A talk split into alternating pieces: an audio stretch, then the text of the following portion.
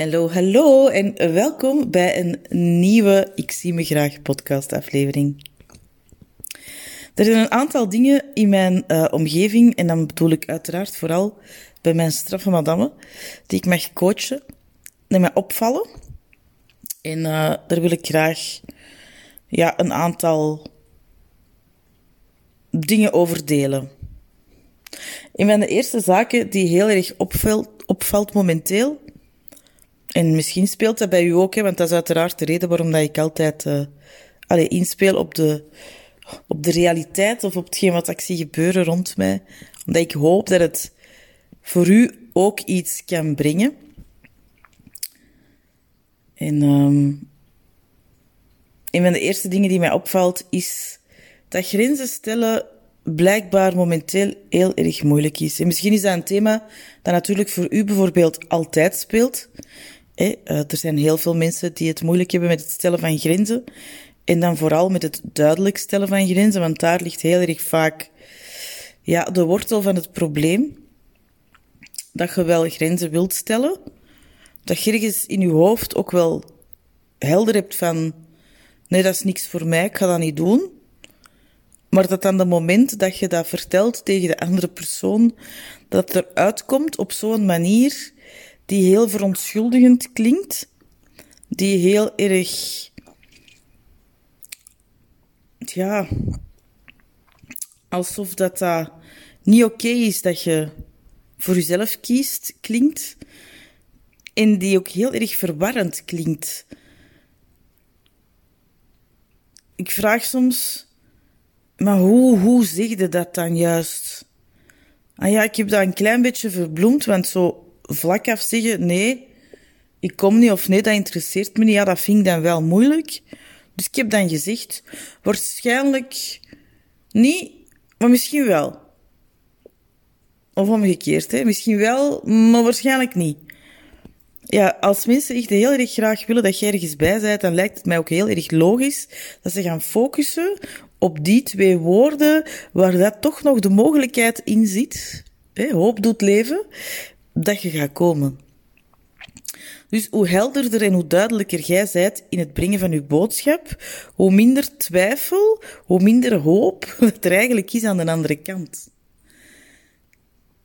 Ik ben er zeker van dat als je zelf heel erg graag wilt dat iemand ja zegt, of dat iemand ergens mee naartoe gaat, of dat iemand een uitnodiging aanneemt, of dat, dat iemand u komt helpen bij iets, of wat dan ook, en die zegt tegen u, misschien wel, maar waarschijnlijk niet, dan heb jij ook enkel in alleen maar die misschien wel gehoord en ga je erop rekenen dat die persoon toch een verdoken ja heeft gegeven.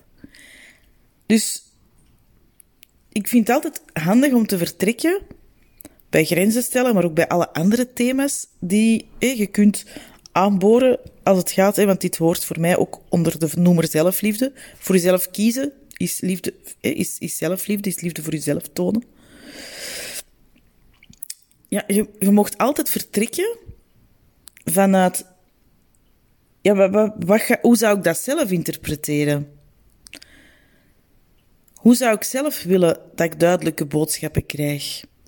Hoe zou ik zelf willen dat naar mij een grens toe wordt gecommuniceerd? En wat dat ook heel vaak voorkomt als het zo gaat voor het thema van grenzen stellen, en um, dat is heel logisch, hè, want leren grenzen stellen, dat is een proces. En we hebben dat nooit geleerd van dat we kind waren, want er wordt ons altijd verteld dat je goed moet doen voor de ander. Hè, eerst de ander, dan uzelf. Terwijl het eigenlijk zouden we het omgekeerd aangeleerd mogen krijgen. Ik ben ervan overtuigd dat de huidige generaties, en dan heb ik het vooral over de jongere generaties, hè, ik ben een veertiger, Um, denk zo de generaties, de tieners en de twintigers. Misschien de dertigers ook wel. Alhoewel dat ik zie dat die er wel nog mee struggelen. Um, er wordt nu wel veel duidelijker een grens getrokken. En dat gaat hun om de een of andere reden gemakkelijker af.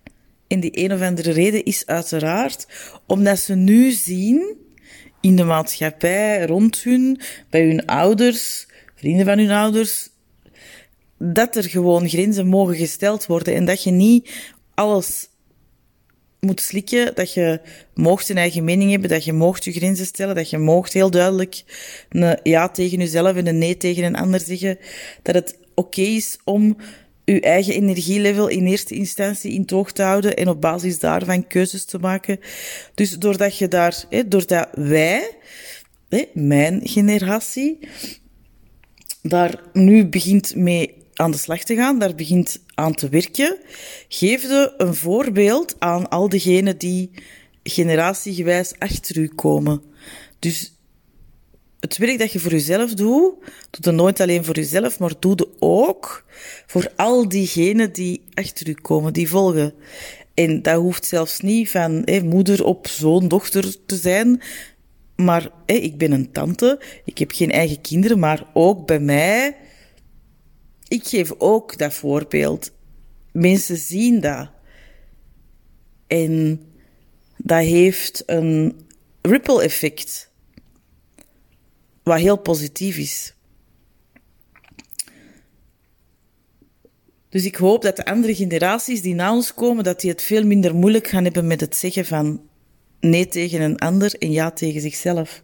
Dat die dat veel vlotter gaan kunnen. Maar voor ons is het een proces.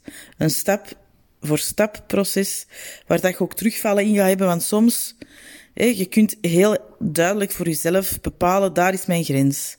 Daar is voor mij niet meer oké. Maar je komt soms in situaties terecht dat je denkt, als ik hier nu de strijd ga voeren, dan gaat mij dat keihard energie kosten. Ik ga gewoon voor het gemak in deze situatie ja zeggen. Ook al weet ik dat ik er eigenlijk mee tegen mijn eigen principe inga. Maar dat gaat me gewoon zoveel minder tijd, energie kosten. Dan als ik hier ja, de strijd voor moet aangaan. Want we hoeven ook niet elke strijd aan te gaan. Hè? Er is zo altijd een moment als je zo nieuwe gewoontes aan het aanleren bent, zoals hè, grenzen stellen, um, dat je zo daar heel radicaal in wordt. En dat je zo naar de grens neigt van het wordt te, te. Je gaat te hardnekkig vasthouden aan de patronen van de nieuwe dingen die dat je hebt geleerd. Dat kan soms ook zo zijn als je zo uh, een nieuwe levensstijl van ja, ik wil nu meer groenten en nu dat je zo ook echt heel fanatiek wordt daarin. Dat is net hetzelfde bij de mentale voeding die je jezelf geeft, door dat leren grenzen stellen en zo. En daar mogen we ook wat milder in zijn. Weet je, je hoeft niet van het ene extreem in het andere te vervallen. Want dat gaat het toch ook niet kunnen volhouden. Dat is zoals dat je op een heel streng dieet zou gaan. Ja, like, als we heel eerlijk zijn, dat houdt je nooit vol. Het mag met mildheid en met liefde en met heel veel aandacht voor jezelf. Van daaruit mag het uiteraard altijd vertrekken, alles wat dat je doet, elke keuze die dat je maakt. Maar ga vooral, of probeer niet te vervallen in extreme. Ik heb een aantal straffe madame die ik uh, een jaar uh, coach via Voxer. Voxer is, een, uh, is een, een app zoals WhatsApp. En dan krijg ik dan soms ook vragen in, ja, ik, heb nu, ik wil nu dit en dit. Dat ik ook zeg, maar we zijn een beetje mild. Het is oké, hè, om dat stap voor stap te doen en om daar niet ineens ja, in het ene, van het ene in het andere extreem te vervallen. Want dat gaat je ook niks brengen. En dat kun je ook niet volhouden. En dan ga je dat gedaan hebben, ga je zo'n keiharde grens gesteld hebben. En dan voel je een hele dag schuldig en ambetant. En dan zit het er een hele dag mee in je hoofd. En dan, ik heb nu dat gezegd en ik had dat toch beter. Ha. Dus dat is ook weer niet ideaal. Maar you live and you learn. En als je niks probeert, dan verandert er ook niks.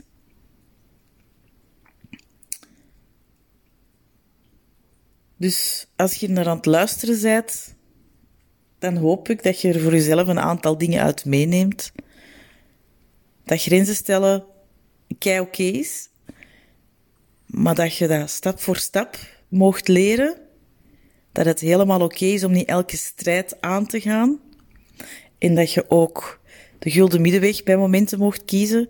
Dat je niet altijd keihard aan je grens moet vasthouden, want dat dat soms meer kost dan dat het opbrengt. En dat je dat ook altijd in je achterhoofd mocht houden. Wat kost het mij, wat brengt het mij op? En dat je heel duidelijk mocht zijn in het stellen van je grenzen. Heel helder en duidelijk in uw bewoordingen. Dat er geen twijfel en geen ruimte voor interpretatie is aan de overkant.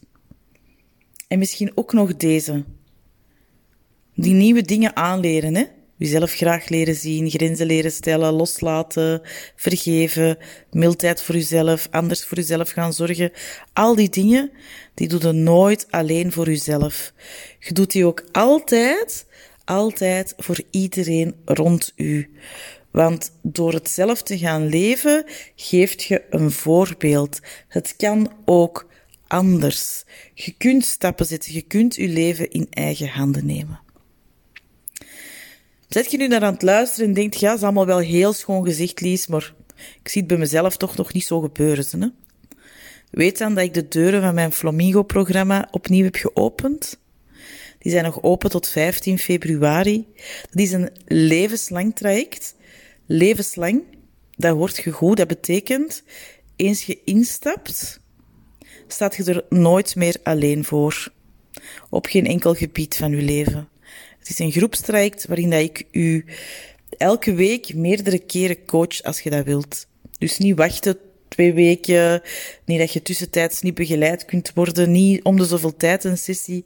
Nee, nee, levenslang, vanaf het moment dat je instapt, word je door mij gecoacht. Bij elke uitdaging, bij elke nieuwe gewoonte die je wilt leren, bij alles. Je bent heel erg welkom. Je vindt alle informatie op de website www.licht-coaching.be slash flamingo.